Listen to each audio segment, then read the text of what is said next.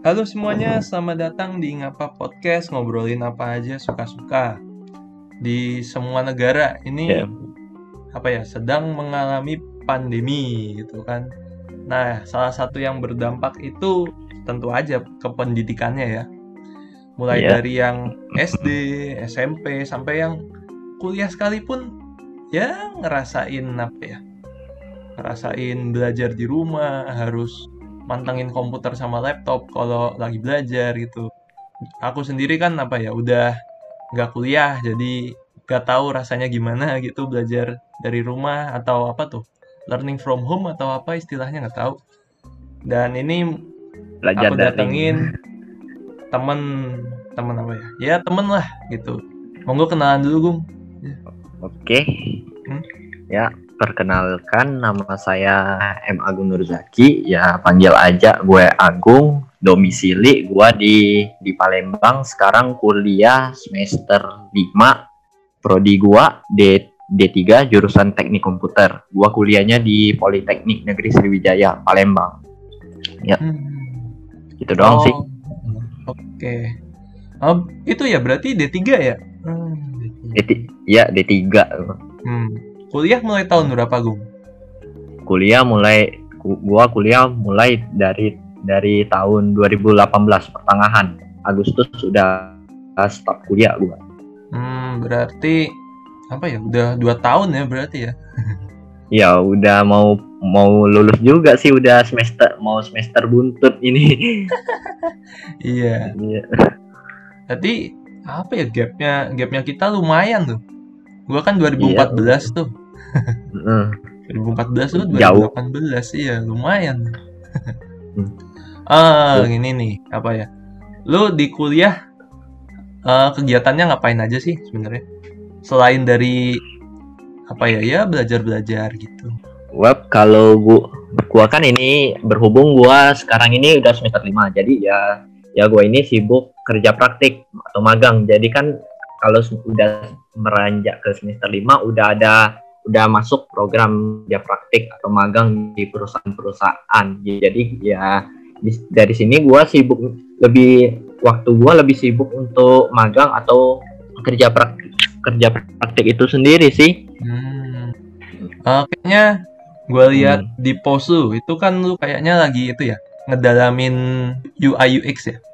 Yap, i- itu kayak it- kayak memperdalamin kayak minat minat gue ke UI UX design sih. Gua gua awalnya tuh terta- tertarik sama UX UI UX tuh karena gua sering mantengin fit-fit IG orang-orang desainer tuh kan kayak wah ini ba- bagus bener ini desainnya. Gue kayak kayak kayak tertarik gitu. Gua cari-cari juga di tutorial YouTube juga juga lumayan banyak sih tutorial cara guna gunain tools untuk bikin UI UX design itu dan juga diperkenalkan juga sama yang namanya itu nama situsnya itu Dribble untuk Hmm, Oh, dribble, iya, iya. hasil portofolio kerja kita baik maupun baik UI UI UX mau gambaran fan art atau sebagainya jadi ya semakin terpacu itu motivasi melihat desain-desain dari orang dari orang-orang di berbagai situs itu tuh. jadi semakin terpacu gitu untuk bikin karya sebanyak-banyaknya bikin portofolio sebanyak-banyaknya gitu Berarti mau apa ya?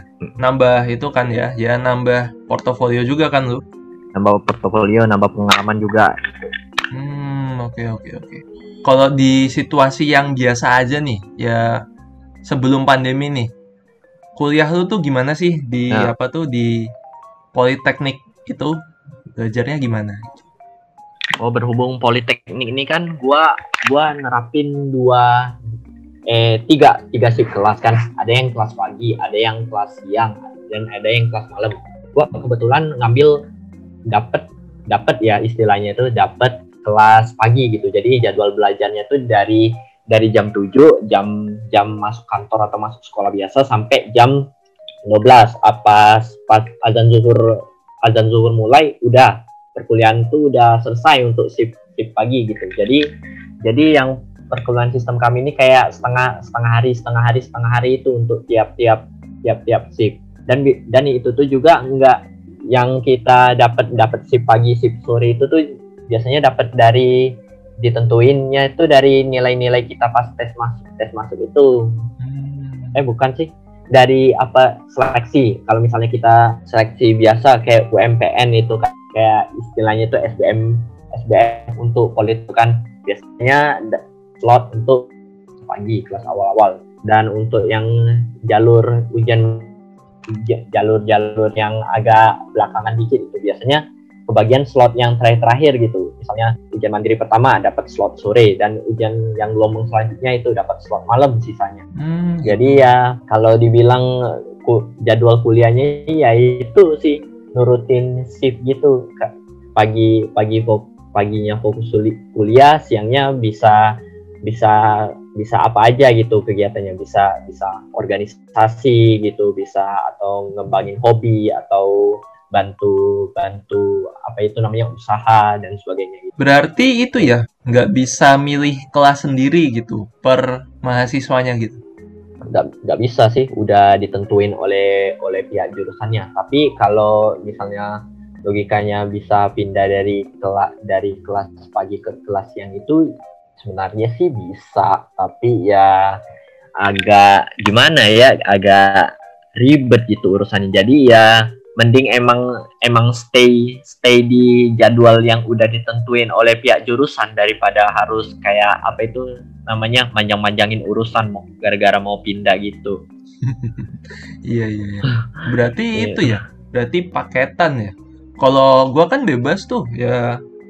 Kalau zaman gua ya bebas, lu mau iya. ngambil matkul apa, terus nanti kelasnya mau kelas yang mana gitu. Tapi di politeknik sistemnya kayak gitu sih Hmm, nggak hmm, nggak beb nggak bebas gitu mata kuliah aja emang ditentuin oleh pihak kurikulum jurusan itu jadi ya nggak bisa nggak bisa nolak kalau walaupun suka nggak suka mau niat nggak niat pokoknya kalau kalau misalnya jurusan nentuin mata kuliahnya ini ini ini sekian sekian sekian ya terima aja nggak bisa nggak bisa ditolak gitu aja terima konsekuensinya ya terima atau keluar gitu oh iya iya iya oh, tapi kalau apa ya belajarnya dibagi shift gitu kayak ngatur waktunya lebih gampang kan ya? Ngatur waktunya lebih gampang. Ya kayak kayak bayangin aja sih kayak waktu zaman sekolah dulu gitu terjadwal, terstruktur gitu waktu-waktu belajar kita gitu.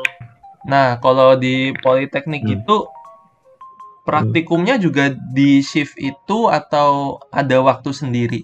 Praktik praktikum ya berhubung politeknik ini kan 70% praktik semua. Jadi ya sesuai sesuai waktu yang ditentukan misal sesuai jadwal sih misalnya ada hari misalnya hari ini listnya ada praktik praktik ini praktik program praktik apa itu namanya bikin program ini itu itu sudah ditentuin sih dari dari jadwalnya jadi ya nggak nggak terpisah dengan jadwal-jadwal yang lain berarti berarti emang ya waktunya praktik ini ya praktik itu Berarti yang apa ya, yang kayak tatap muka sama dosen tuh minim atau gimana?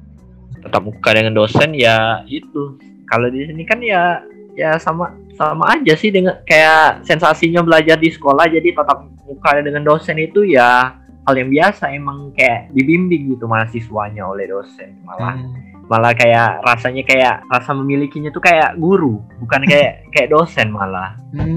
membimbing tuh emang dari dari emang emang masuk benar gitu bimbingannya.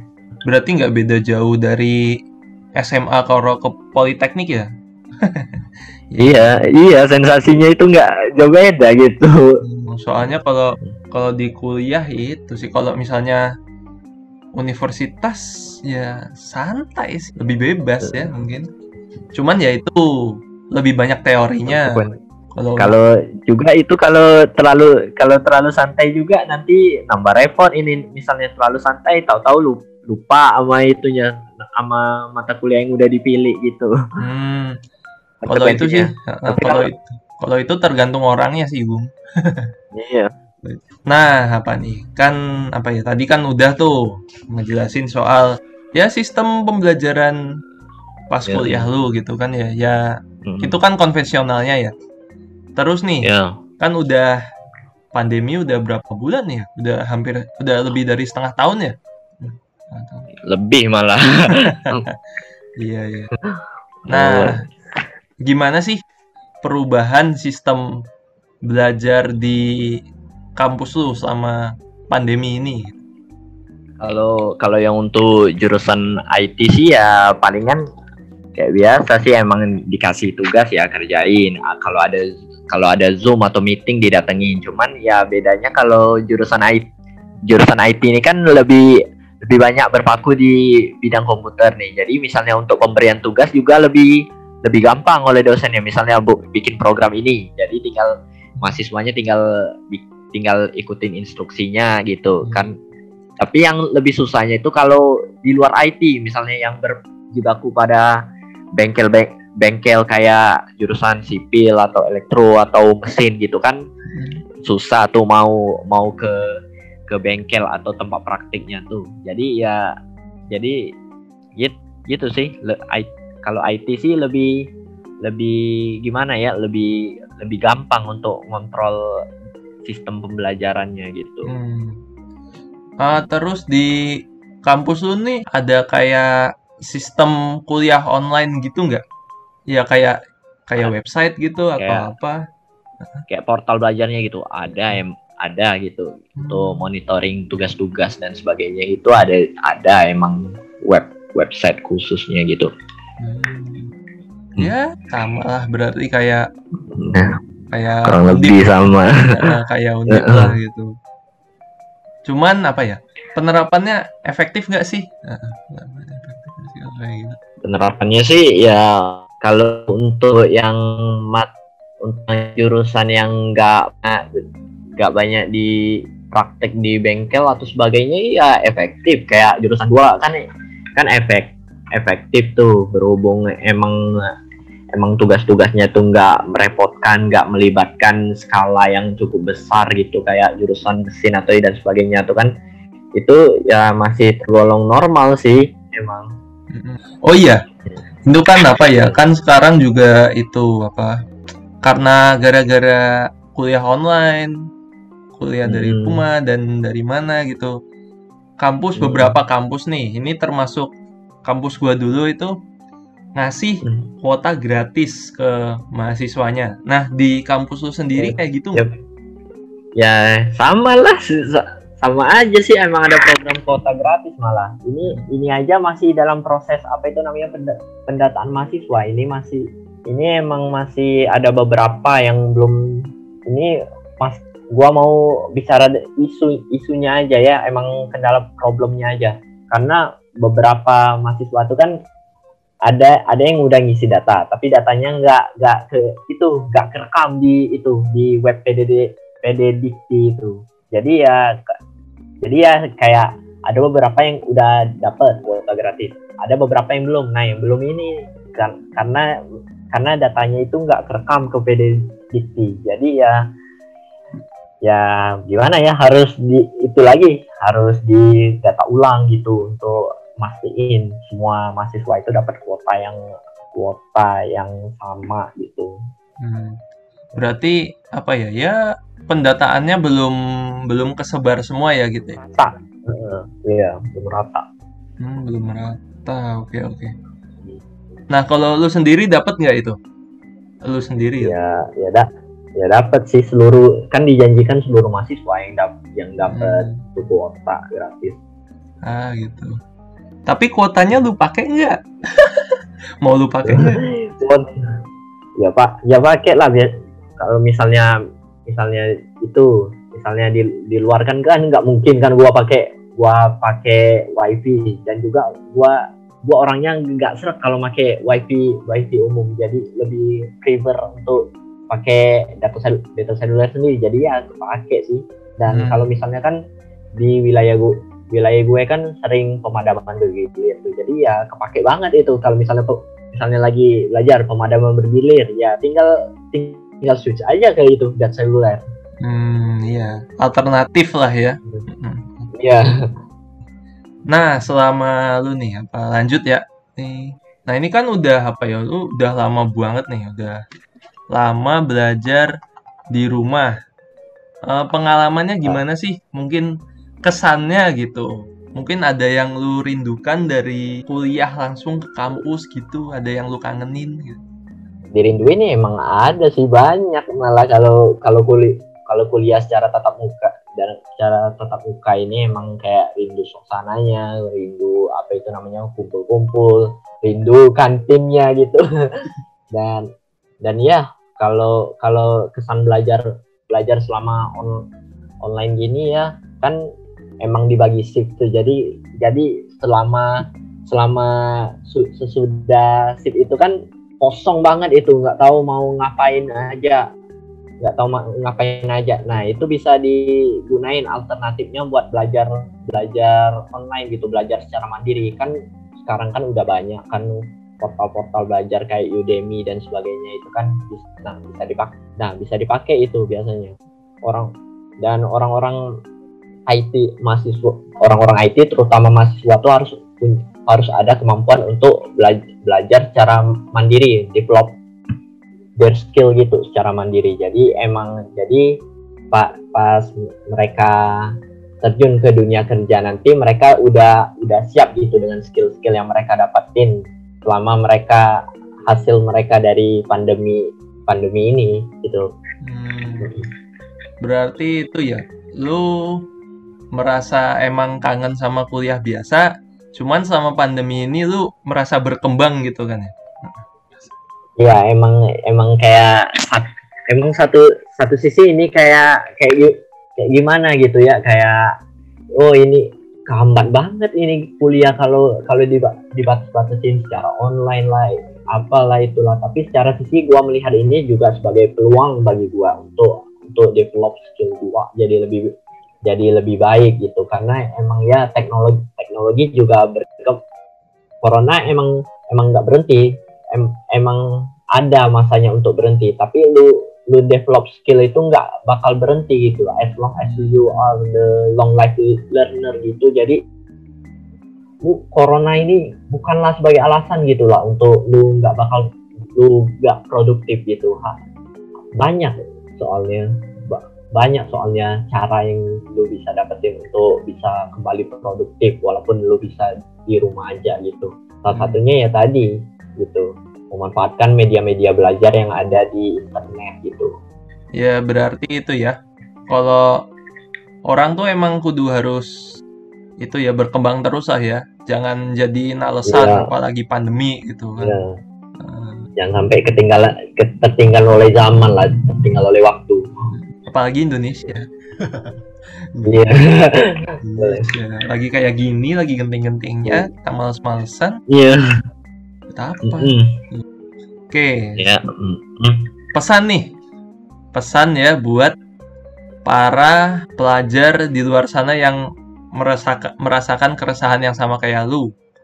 Terutama buat para ini kan udah apa ya, udah maba udah mulai kuliah kan ya? Ya. Nah, hmm. itu. Mungkin lu bisa mengasih pep talk gitu buat para maba ini, terutama yang sama-sama IT kayak kita gitu. Ya, kalau pesan dan kesan sih ya gua gua ngutip lagi dari jawaban gue yang soal soal apa itu namanya? Soal kesan gue selama belajar pandemi itu.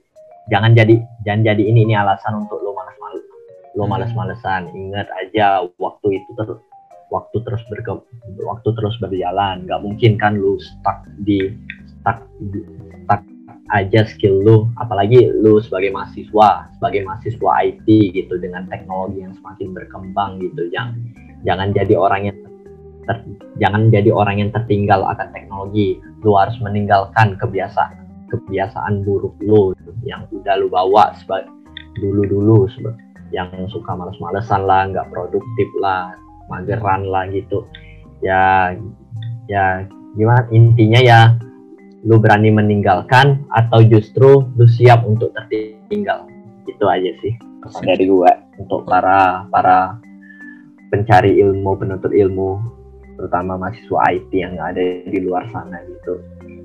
Wih, asik asik asik. Hmm. Ya pokoknya yeah. itulah ya, pokoknya kalian buat para hmm. maba belajar terus ya, kalau belajar yang diseriusi nanti biar lulus tuh nggak kayak nggak kayak gue gitu oh. orang IT tapi oh. malah kuliahnya dipanggil malah... panggil job juga ngalir kalau kita kita produktif terus kan Nah, usaha juga berbuah kesuksesan kan dipanggil sana sini interview sana sini gitu kan nah iya. Nggak. apa nggak seneng dapat kayak gituan Hmm. Nggak apa-apa lah ya, itu namanya susah-susah dulu gitu kan. iya Dulu terus seneng gitu. Hmm. Hmm. Pasti menyenangkan. Oke deh, ini terakhir nih. Yap. Quote, Yap. quote buat episode ini gitu. Kalau bi, ya kalau bisa Wah. nyambung lah. quote dari episode ini ya Quote tadi buat. tadi gue gue kayak nyebutin gitu ya Lagi dong. meninggalkan atau tertinggal gitu Waduh. jadi Sebutin lagi. jadi ya sebutin lagi ya Iya dong. Hmm, gimana ya gimana gimana ya gue juga gak gak pinter ngerangkai kata-kata sih jadi ya jadi, ya gue kepikirannya tadi meninggalkan atau ter- tertinggal gitu gue Waduh, meninggalkan Hmm, atau apa tertinggal ya gitu. Iya. Ya buat itulah ya buat motivasi Hmm. para pelajar di luar sana gitu. Baik Hmm. yang baru maupun sedang menjalankan terutama yang mau skripsi atau lagi gitu lagi seret gitu kan bisa kan Iya. Mm-mm. nah gitu Pokoknya di di push terus lah pokoknya. Mm, ya udah itu aja dari gua terima kasih ya Gung udah datang udah datang. Yap, yap, sama-sama. Heeh. dan Kata apa ya honor ya bisa bisa ngomong sharing-sharing kayak gini. bosen tau ngomongin film mulu dan oh ya Lain kali bikin lagi lah podcast ini ya. Lupa. gimana Lain kali itu lagi ya, bikin itu lagi collab lagi lah bikin podcast. oh Topik siap Lain lah. cari topik Ya. dulu cari topiknya Iya. cari topiknya oh iya dan terima kasih juga buat para pendengar yang apa ya ya mau ngedengerin sampai habis gitu. Udah sekian dari gua dan Agung. Sampai jumpa di Ya. ngapa podcast selanjutnya. Dah. Bye.